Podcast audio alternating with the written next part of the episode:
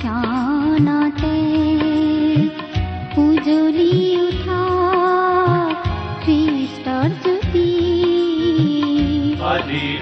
Bible অধ্যয়নৰ এই শিক্ষামূলক অনুষ্ঠান ভক্তিবচনলৈ আপোনাক ওলগ জনাইছো। প্ৰিয় শ্ৰোতা আপোনাক আজি আকৌ লগ পাই আমি বৰ আনন্দিত। আমি চকুৰে ইজনে আনজনক দেখা নাপালেও এই অনুষ্ঠানৰ যোগেৰে এইদৰে লগ পায়ো আমি সমানেই উৎসাহিত হৈছো। এই ভক্তিবচন অনুষ্ঠানটি আপুনি য'ৰে পৰাই নুশুনক। ঈশ্বৰ তাতো আছে আৰু এতিয়া মোৰ লগত ইয়াতো আছে। আপোনাৰ আৰু মোৰ মাজত ঈশ্বৰৰ উপস্থিতিয়ে এক সম্বন্ধ ৰচনা কৰিছে। কিয়নো তেওঁ সকলো ঠাইতে একে সময়তে থাকিব পৰা ঈশ্বৰ। সৰ্বব্যাপী ঈশ্বৰ। পৃথিৱীৰ এনে এখন ঠাই নাই য'ত ঈশ্বৰ থাকিব নোৱাৰে। এই সৰ্বব্যাপী ঈশ্বৰজনে সকলোৰে লগত থাকি সকলোৰে পৰিস্থিতিবিলাক বুজি পায়। আপোনাৰ বেজাৰ তেওঁৰ আগত লুকুৱাব নোৱাৰে। তেওঁ সকলো দেখি আছে। একো কথাই তেওঁৰ আগত লুকাই নাথাকে। সেয়েহে অন্তৰ খুলি তেওঁৰ আগত বুকুত প্ৰকাশিত সকলো কথা স্বীকাৰ কৰক। চাব তেওঁ আপোনাৰ পৰিস্থিতিবোৰ বেয়াৰ পৰা ভাললৈ সলনি কৰিব। কিয়নো তেওঁ আপোনাৰ মংগল কামনা কৰে। আমিও সেই মংগল কামনাৰে আপোনালৈ এয়া আগবঢ়াইছো ভক্তি বচন লাখ বিলাস আৰু ভোগ বিলাসত যদিহে বন্ধু আছা মজি লাখ বিলাস আৰু ভোগ বিলাসত যদিহে বন্ধু আছা মজি এবাৰ থমকি ৰৈ নীৰৱে শুনা যিচুৱে মাতিছে আজি। এবাৰ থমকি ৰৈ নীৰৱে শুনা যিচুৱে মাতিছে আজি। বন্ধু তোমাৰ হৃদয়ৰ দুৱাৰ কোনে আজি টুকুৰিয়াই শুনা এবাৰ নীৰৱে কাণ পাতি কোনে টুকুৰিয়াই কোনে বাৰু টুকুৰিয়াই তোমাক মাতিছে আজি। যিচুৱে তোমাক মাতিছে আজি। আমাৰ মহান ত্ৰাণকৰ্তা প্ৰভু যীশুখ্ৰীষ্টৰ নামত নমস্কাৰ প্ৰিয় শ্ৰোতা। আপোনাৰ ভালনে বাৰু? আশা কৰোঁ মহান পিতা পৰমেশ্বৰৰ মহান অনুগ্ৰহত আপুনি ভালে কুশলে আছে। আপুনি আমাৰ ভক্তিবচন অনুষ্ঠানটো নিয়মিতভাৱে শুনি আছেনে? এই অনুষ্ঠান শুনি কেনে পাইছে আমালৈ চিঠি লিখি জনাবচোন? আহকচোন বাইবেল অধ্যয়ন আৰম্ভ কৰাৰ আগতে আমি খন্তেক প্ৰাৰ্থনাত মূৰ দুৱাওঁ। স্বৰ্গত থকা অসীম দয়ালু পিতৃ ঈশ্বৰ আমি তোমাক ধন্যবাদ জনাইছো কিয়নো তোমাৰ মহান বাক্য বাইবেল শাস্ত্ৰ অধ্যয়ন কৰিবলৈ তুমি আমাক আকৌ এটা সুযোগ দান কৰিছা। তোমাৰ বাক্য তুমিয়েই আমাক বুজাই দিয়া আৰু আমাৰ প্ৰয়োজন অনুসাৰে তুমি আমাৰ প্ৰত্যেককে কথা কোৱা। তোমাৰ স্পষ্ট মাত আমাক শুনিবলৈ দিয়া। এই অনুষ্ঠান শুনি থকা আমাৰ মৰমৰ শ্ৰোতাসকলৰ জীৱনত তোমাৰ আশীৰ্বাদ উপচি পৰিবলৈ দিয়া। কিয়নো এই প্ৰাৰ্থনা আমাৰ মহান ত্ৰাণকৰ্তা মৃত্যুঞ্জয় প্ৰভু যীশুখ্ৰীষ্টৰ নামত আগবঢ়াইছো। আমেন।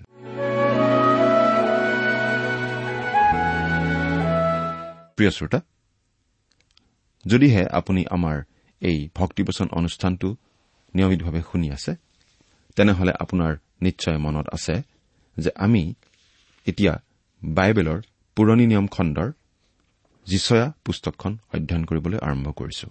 নহয় জানো?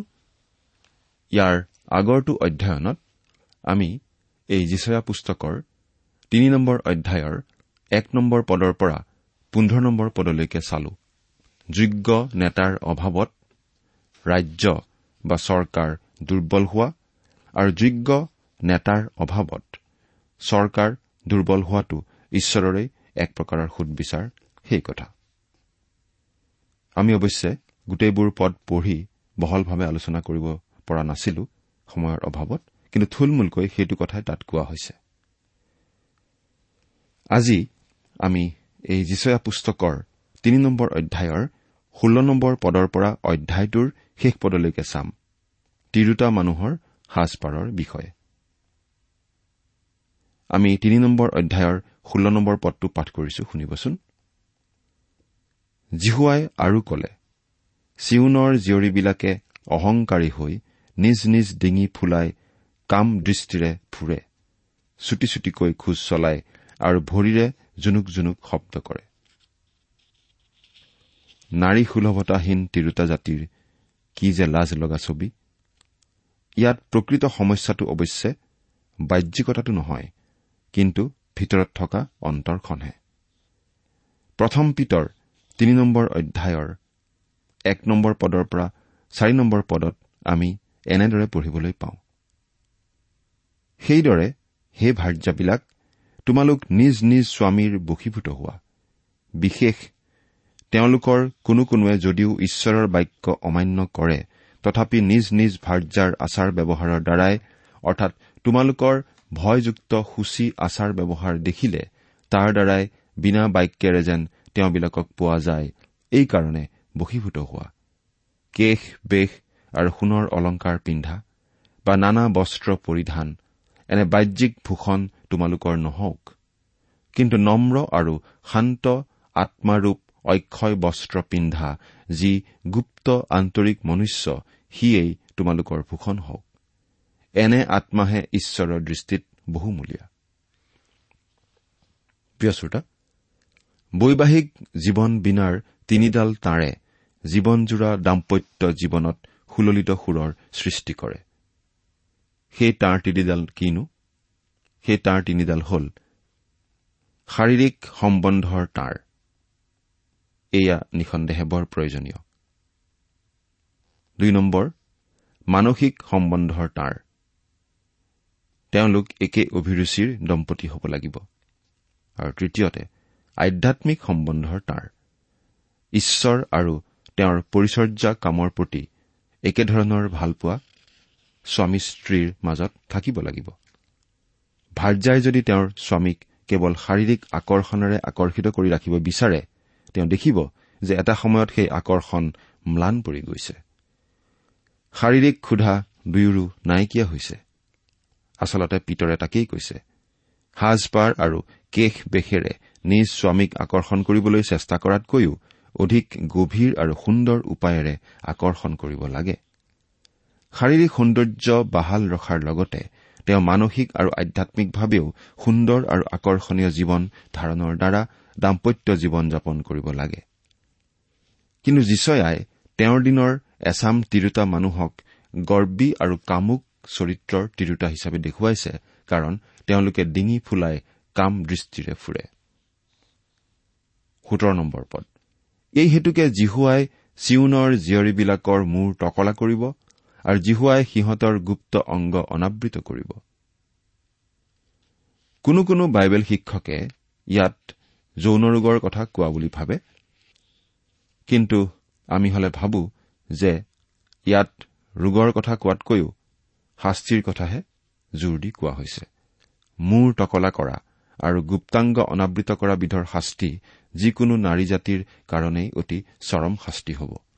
এনে চৰম শাস্তিৰ বাবে কিমান নিৰ্লজ্জ কিমান জঘন্য পাপ আচৰিব লাগিব? চিন্তা কৰি চাওকচোন। ওঠৰ পদৰ পৰা চৌবিশ নম্বৰ পদ। সেইদিনা প্ৰভুৱে তেওঁলোকৰ নেপুৰ জালিকটা টুপি চন্দ্ৰহাৰ উন্তি খাৰু উৰণি কপালি ভৰিৰ শিকলি টঙালি সুগন্ধি দ্ৰব্যৰ টেমা তাবিজ আঙুঠি নথ উৎসৱৰ সাজ চোলা শাল কাপোৰ থুনুপাক হাত দাপোন মিহি সনসূতাৰ বস্ত্ৰ পাগুৰি আৰু দীঘল উৰণি এই সকলো শোভাৰ বস্তু কাঢ়ি ল'ব। আৰু সুগন্ধৰ সলনি দুৰ্গন্ধ টঙালিৰ সলনি লেজু পৰিপাটিকৈ ৰখা চুলিৰ সলনি টকলা মূৰ দীঘল পৰিধান বস্ত্ৰৰ সলনি চতৰ কঁকালি আৰু সৌন্দৰ্যৰ সলনি পোৰা দাগ হ'ব। কোনো এটা জাতি সভ্যতাৰ সোপানত কিমানলৈ উধাইছে তাক সেই জাতিৰ তিৰোতা মানুহৰ সাজপাৰে প্ৰকাশ কৰিব পাৰে। তিৰোতা মানুহখিনিৰ সাজপাৰখিনি যেতিয়া মাৰ্জিত আৰু পৰিপাতি হয় তেতিয়া গোটেই জাতিটোৰ সভ্যতাৰ কথা বুজা যায়। এই পদকেইটাত তিৰোতা মানুহে ব্যৱহাৰ কৰা বিশ প্ৰকাৰৰ অলংকাৰ পাতিৰ নাম উল্লেখ কৰা হৈছে। সেই অলংকাৰ পাতি ব্যৱহাৰ কৰি সুন্দৰী হোৱাত তিৰোতা মানুহৰ কোনো ভুল নহয় যদি সেইবোৰ পৰিধান মাৰ্জিত আৰু প্ৰয়োজনীয় হয়।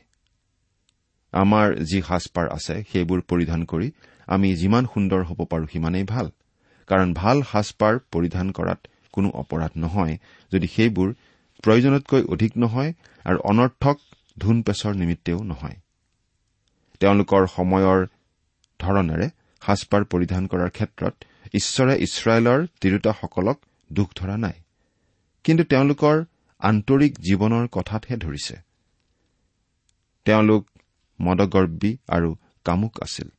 প্ৰকৃত সৌন্দৰ্য গাৰ চামৰাৰ ভিতৰতহে থাকিব লাগে। চামৰাৰ বাহিৰত নহয়।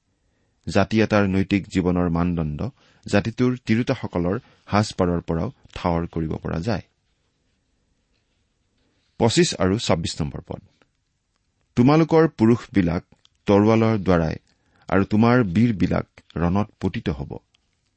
চিউনৰ ৰাজদুৱাৰবোৰে ক্ৰদন আৰু বিলাপ কৰিব আৰু চিউন অনাথিনী হৈ মাটিত বহিব। ৰুমিয়া লোকসকলে এটা মেডেল তৈয়াৰ কৰি তাত এজনী উচুপি থকা মহিলাৰ ছবি খোদিত কৰি সেই ছবিৰ তলত জুডিয়া কেপ্তা বুলি লিখিছিল। যিহুদী জাতিটো যে বন্দী হৈ বিদেশলৈ যাবলগীয়া হৈছিল সেইটোৱে তাকেই বুজাইছিল। কাৰণ ঈশ্বৰে তেওঁৰ ভাৱবাদীৰ যোগেদি দিয়া সতৰ্ক বাণী লৈ তেওঁলোকে কাণ দিয়া নাছিল। এইদৰেই গোটেই যিহুদী জাতিটোৰ ওপৰত ঈশ্বৰে সুধবিচাৰ আনি দিছিল। তিনি নম্বৰ অধ্যায়ৰ আলোচনা আমি ইমানতেই সামৰিছো। এতিয়া আমি চাৰি নম্বৰ অধ্যায়টোৰ অধ্যয়নলৈ আগবাঢ়ো হওক এই অধ্যায় অৰ্থাৎ চাৰি নম্বৰ অধ্যায়টোত আমি পাওঁ যে ইছৰাইল জাতিটো বাবিল দেশলৈ বন্দী হৈ যাওঁতে তাত তেওঁলোকৰ যি অৱস্থা হৈছিল ঠিক একে অৱস্থা মহাক্লেশৰ সময়তো হ'ব। দুই নম্বৰ অধ্যায়ৰ পৰা যি সম্পূৰ্ণ ভাৱবাণী এটাৰ আৰম্ভণ হৈছে সেই ভাৱবাণী এই চাৰি নম্বৰ অধ্যায়টোতো অব্যাহত আছে। পাঁচ নম্বৰ অধ্যায়তহে সেই ভাৱবাণীটো শেষ হ'ব। আৰু এই ভাৱবাণীটো হৈছে শেষকালৰ বিষয়ে। ইছৰাইল জাতিৰ ঘটিবলগীয়া শেষকালৰ বিষয়ে। গোটেই যিচয়া পুস্তক জুৰি যি যিবোৰ ভাৱবাণী প্ৰচাৰ কৰা হৈছে আচলতে সেইবোৰ ভাৱবাণীৰ লগত মিল থকা বিধৰেই ভাৱবাণী এই অধ্যায়কেইটাতো ঘোষণা কৰা হৈছে। এই অধ্যায়কেইটাত কিছু সংক্ষেপে আৰু অৱশিষ্ট অধ্যায়কেইটাত বিশদভাৱে সেই ভাৱবাণীসমূহ ঘোষণা কৰা হৈছে। কেৱল ছটা পদেৰে চাৰি নম্বৰ অধ্যায়টোৱেই যিচয়া পুস্তকৰ আটাইতকৈ চুটি অধ্যায়। আমি আগতেই কৈ আহিছো যে বাবিল দেশলৈ বন্দী হৈ যোৱাৰ কালচোৱাত ইছৰাইল জাতিৰ যি অৱস্থা হৈছিল খ্ৰীষ্টই তেওঁৰ ৰাজ্য পাতি হাজাৰ বছৰ ৰাজত্ব কৰাৰ আগতে পৃথিৱীত যি মহাক্লেশ হ'ব সেই মহাক্লেশৰ সময়তো তেওঁলোকৰ অৱস্থা একেই হ'ব। অৱশ্যে বাবিল দেশত তেওঁলোকলৈ যি যি ঘটিছিল ইছৰাইলৰ মহাক্লেশৰ সময়তো যি দুৰ্দশা হ'ব সেই বিষয়ে অধ্যায়টোৰ কেৱল এক নম্বৰ পদতহে কোৱা হৈছে। বাকী পাঁচটা পদত কোৱা হৈছে হাজাৰ বছৰীয়া ৰাজত্বৰ বাবে প্ৰভু যীশুখ্ৰীষ্টই পতা ৰাজ্যত প্ৰৱেশ কৰিবৰ বাবে প্ৰস্তুত হোৱাৰ কথা। কাৰণ ঈশ্বৰৰ ৰাজ্যত প্ৰৱেশ কৰিবলৈ এই প্ৰস্তুতিকৰণ বৰ প্ৰয়োজন হ'ব। এতিয়া চাৰি নম্বৰ অধ্যায়ৰ এক নম্বৰ পদটো পাঠ কৰো হওক। সেইদিনা সাতজনী তিৰোতাই এজন পুৰুষক ধৰি কব আমি আমাৰ নিজৰেই অন্ন খাম আৰু নিজৰেই বস্ত্ৰ পৰিধান কৰিম। কেৱল আপোনাৰ নামেৰে আমাক খ্যাত হবলৈ দিয়ক। আপুনি আমাৰ অপমান দূৰ কৰক। এনে ব্যতিক্ৰম ঘটনা ঘটিব। কাৰণ ৰণত বহু পুৰুষ মানুহৰ প্ৰাণহানি হ'ব। আটাইবিলাক মহাসমৰৰ পাছতেই এনে পৰিস্থিতিয়ে দেখা দিয়ে। বিশ্বৰ আটাইবিলাক মহাসমৰৰ পাছতেই এনে পৰিস্থিতিয়ে দেখা দিছিল। মহাক্লেশৰ কালতো এনে ঘটনা ঘটিব। আন কথাত মহাৰণৰ কাৰণে পুৰুষ মানুহ বৰ ভয় লগাকৈ হ্ৰাস পাব। পুৰুষ মানুহৰ সংখ্যা ইমান অধিকভাৱে হ্ৰাস পাব যে সাতজনী তিৰোতা মানুহে এজন পুৰুষৰ ভাৰ্যা হবলৈ সন্মতি জনাব। কেৱল সন্মতি জনাই ক্ষান্ত নাথাকিব বৰং বৰ জোৰ কৰি ধৰিব। তেনে এটা পৰিস্থিতি হলে মোৰ বোধেৰে সাতজনী ঘৈণীয়েক চম্ভালাটোৱেই পুৰুষজনৰ একমাত্ৰ কাম হ'ব। আৰ্জনৰ কাৰণে তেওঁ কোনো কাম কৰিব নালাগিব। কাৰণ সেই সাতজনী তিৰোতাই নিজে আৰ্জন কৰাৰ চুক্তিৰেহে পুৰুষজনৰ ভাৰ্যা হ'ব। কোনো কোনো পুৰুষৰ ক্ষেত্ৰত দেখা যায় যে এজনী ভাৰ্যাই তেওঁক সৰিয়হ ফুল দেখুৱাই দিব পাৰে। তেতিয়াহ'লে সাতজনীয়ে কি অৱস্থা কৰিব চিন্তা কৰি চাওকচোন। কিন্তু তেনে অস্বাভাৱিক আৰু বৰ ব্যতিক্ৰমৰ দিন শেষৰ কালত আহি উপস্থিত হ'ব। সেই কালচোৱাকেই শেষ কালৰ মহাক্লেশৰ কাল বুলি বাইবেলে কৈছে। কিন্তু সেই কাল অহাৰ আগতেই পৃথিৱীৰ পৰা খ্ৰীষ্টীয় মণ্ডলীক খ্ৰীষ্টই উঠাই লৈ যাব। এতিয়া অধ্যায়টোৰ অৱশিষ্ট পাঁচটা পদত চাওঁ হওক। খ্ৰীষ্টই যি ৰাজ্য পাতি ন্যায় আৰু ধাৰ্মিকতাৰে হাজাৰ বছৰ ৰাজত্ব কৰিব সেই ৰাজ্যত প্ৰৱেশ কৰিবৰ বাবে প্ৰস্তুত হোৱাৰ কথা। চাৰি নম্বৰ অধ্যায়ৰ দুই নম্বৰ পদটো পাঠ কৰি দিওঁ।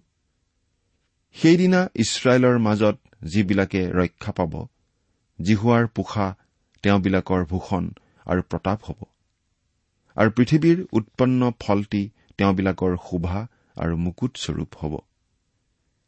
ইয়াত সেইদিনা বুলি কৈ প্ৰভুৰ দিনক অৰ্থাৎ প্ৰভুৰ পুনৰ আগমনৰ দিনক বুজাইছে। সেইদিনা বোলা এই খণ্ড বাক্যটি আমি যিচয়া পুস্তকত বাৰে বাৰে উল্লেখ হোৱা দেখিবলৈ পাম। আন ভাৱবাদীসকলেও এই খণ্ড বাক্যটো প্ৰয়োজন সাপেক্ষে ব্যৱহাৰ কৰিছে। আনকি নতুন নিয়মতো ইয়াৰ উল্লেখ আছে। জুৱেল ভাৱবাদীয়েই এই ক্ষেত্ৰত বিশেষভাৱে উল্লেখ কৰা দেখা পাওঁ। ইব্ৰীসকলৰ দিন গণনাৰ দৰে ইয়াৰ আৰম্ভণ হয় সন্ধিয়াৰ পৰা আৰম্ভ কৰি পাঁচদিনাৰ কাহিলী পোৱালৈকে। সূৰ্যাস্তৰ পৰা আৰম্ভণ হৈ সূৰ্যোদয়ৰ বেলা শেষ হয়। অন্ধকাৰেৰে আৰম্ভণ হৈ পুৱাৰ পোহৰত শেষ হয়। সেইদৰে প্ৰভুৰ দিনো মহাক্লেশেৰে আৰম্ভণ হৈ হাজাৰ বছৰ ৰাজত্বেৰে অন্ত পৰিব।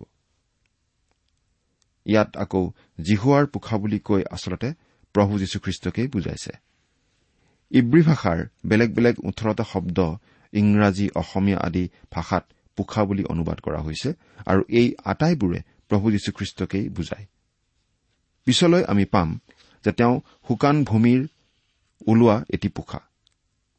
শুকান অৰণ্যটো গজি ওলোৱা তেওঁ এজোপা সেউজীয়া জীৱন্ত আৰু সুন্দৰ গজালি বা পোখা।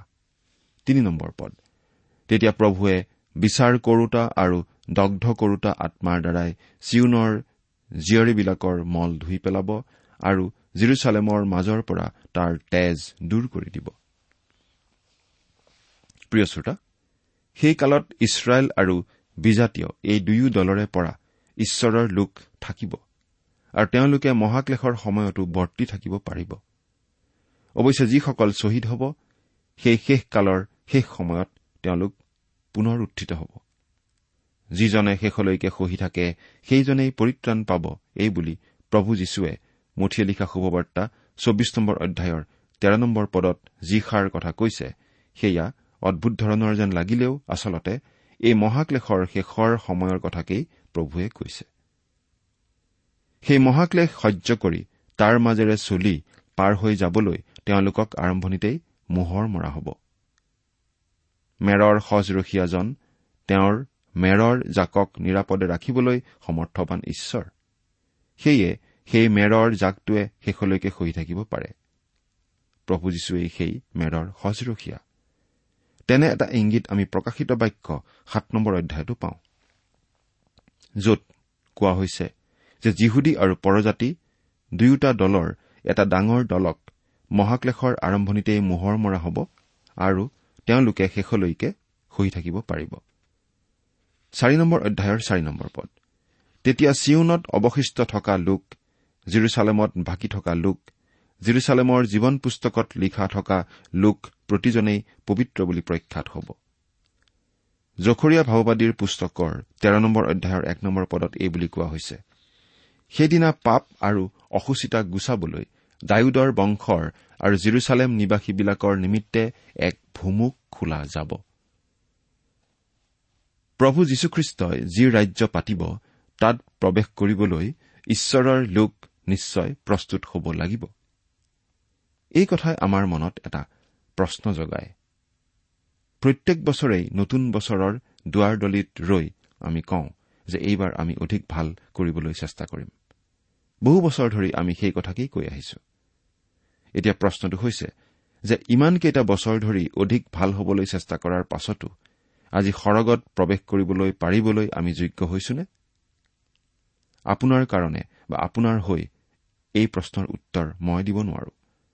কিন্তু সৰগত প্ৰৱেশ কৰিব পাৰিবলৈ হলে ঈশ্বৰে আপোনালোকৰ এই অযোগ্য দাসক যথেষ্ট মেৰামতি কৰিব লাগিব।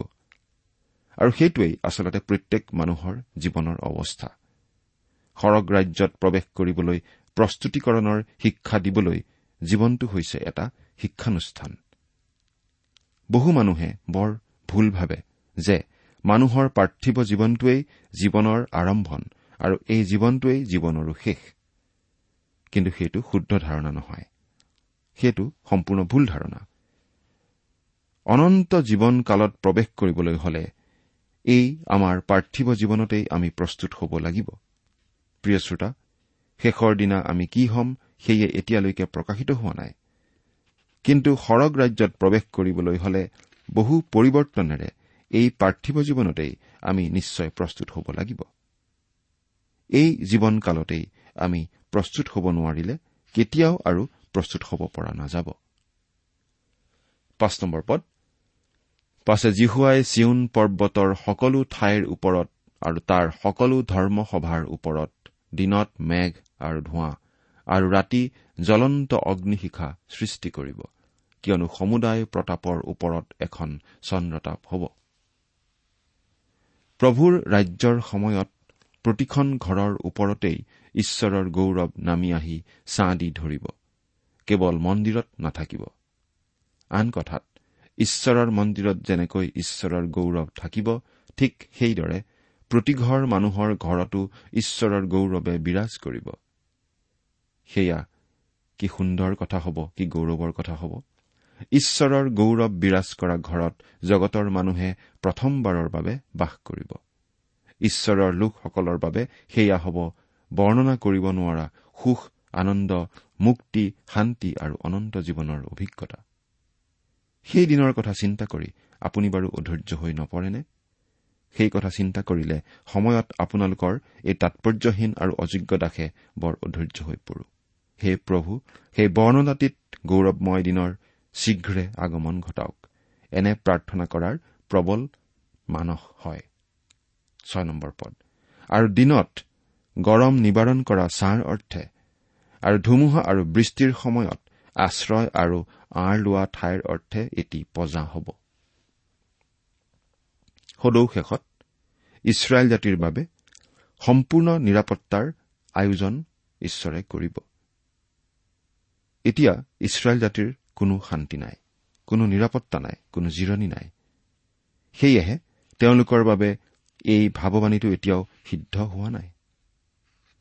প্ৰত্যেক যীহুদীয়ে তেওঁৰ দ্ৰাক্ষা আৰু ডিমৰু বৃক্ষৰ তলত শান্তিৰে বাস কৰিবলৈ প্ৰতিগৰাকী যিহুদী লোক এতিয়াও নিজৰ বাসস্থানলৈ ঘূৰি অহা নাই। এটা প্ৰয়োজনীয় কথা মন কৰকচোন যে শান্তিয়ে সদায় অনুগ্ৰহ কৃপা আৰু সূচীকৰণৰ পম খেদে। অৰ্থাৎ শান্তি স্থাপনৰ আগতে ঈশ্বৰৰ অনুগ্ৰহ আৰু দয়াৰ গুণে মানুহৰ ঈশ্বৰে সৈতে যি শান্তি সেই শান্তি প্ৰস্তুত থাকিব। কিন্তু সেই শান্তি লাভৰ বাবে মানুহ সূচী হ'ব লাগিব। সূচী হোৱা মানে কি বাৰু? হয় মানুহে তেওঁৰ পূৰ্বৰ খ্ৰীষ্টবিহীন আৰু পাপপূৰ্ণ জীৱনটোৰ বাবে অনুশোচনা কৰিব লাগিব খেদ কৰিব লাগিব মন পালটন কৰিব লাগিব। গোটেই পাপ স্বীকাৰ কৰি প্ৰভু যীশুৰ স্বৰ্গীয় ক্ষমা লাভ কৰি পাপৰ প্ৰায়চিত্ৰ লাভ কৰি পাপ ত্যাগ কৰি পৰিত্ৰতা প্ৰভু যীশুক তেওঁৰ জীৱনৰ পৰিত্ৰতাৰূপে গ্ৰহণ কৰিব লাগে। আৰু সেয়েই হৈছে সূচীকৰণ। তাৰ পাছতেই মানুহৰ শান্তি স্থাপন হয়। ঈশ্বৰে সৈতে মানুহৰ শান্তি স্থাপন হয় মানুহৰ মিলন হয়। কাৰণ সেই মুহূৰ্তৰে পৰা ঈশ্বৰে সৈতে তেওঁৰ শত্ৰুতাৰ ওৰ পৰে। মানুহৰ যি সমস্যা সেয়া কোনো ৰাজনৈতিক দলৰ সৈতে নহয় কোনো ব্যক্তিৰ সৈতে নহয়। মানুহৰ আচল সমস্যাটো মানুহৰ নিজৰ অন্তৰখনে আমি ৰণ কৰো কাৰণ সেই ৰণ আমাৰ অন্তৰখনতেই থাকে। মানুহ যুদ্ধ কৰি ভাল পোৱা প্ৰাণী কাৰণ তেওঁ পাপী আৰু পাপ মোকাবিলা কৰিবলৈ তেওঁ ভাল নাপায়। কিন্তু সকলো পাপ স্বীকাৰ কৰি প্ৰভু যীশুত আশ্ৰয় লোৱাৰ পাছত মানুহৰ অন্তৰখন সলনি হয়। আৰু তেতিয়া মানুহৰ লগতে গোটেই সমাজ গোটেই পৃথিৱীখনেই সলনি হ'ব পাৰে। সেইদিন আহি আছে। কিন্তু তাৰ বাবে আমি নিজকে প্ৰভু যীশুৰ হাতত সোধাই দিয়াৰ দ্বাৰা প্ৰস্তুত কৰিছোনে? চিন্তা কৰি চাওকচোন। ঈশ্বৰে আপোনাক আশীৰ্বাদ কৰক। আহমেন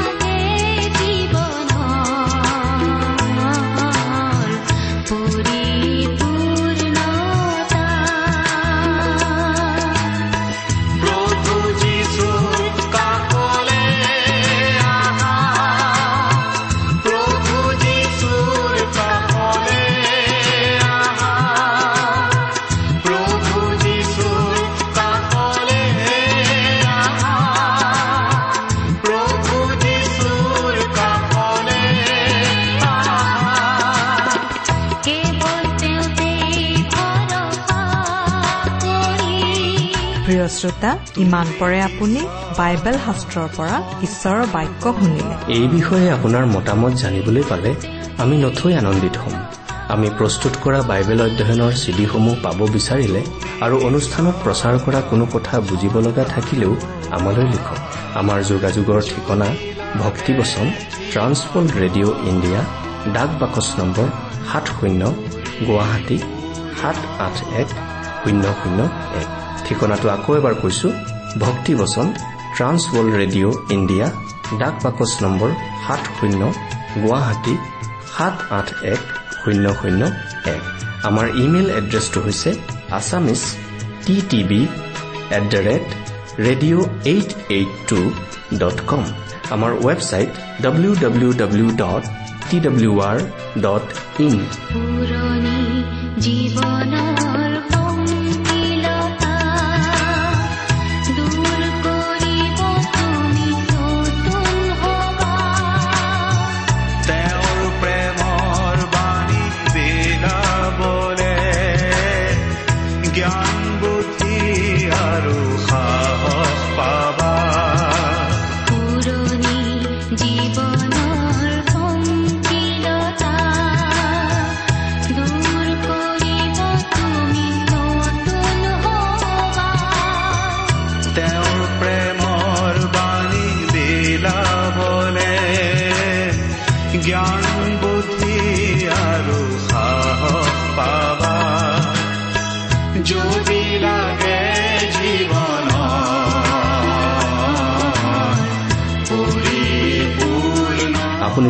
টেলিফোনৰ মাধ্যমেৰেও আমাক যোগাযোগ কৰিব পাৰে। আমাৰ টেলিফোন নম্বৰটো হৈছে nine eight five four zero' four zero' eight eight nine. Phone নম্বৰটো আকৌ এবাৰ কৈছো ন আঠ পাঁচ চাৰি শূন্য চাৰি শূন্য আঠ আঠ ন। আপুনি এই ভক্তিবচন অনুষ্ঠানটি আমাৰ website W W W dot radio' eight eight two dot কমতো শুনিব পাৰিব। আজিৰ অনুষ্ঠানটি ইমানতে সামৰিছো। ঈশ্বৰৰ শান্তি আৰু অনুগ্ৰহ আপোনাৰ লগত থাকক। ধন্যবাদ।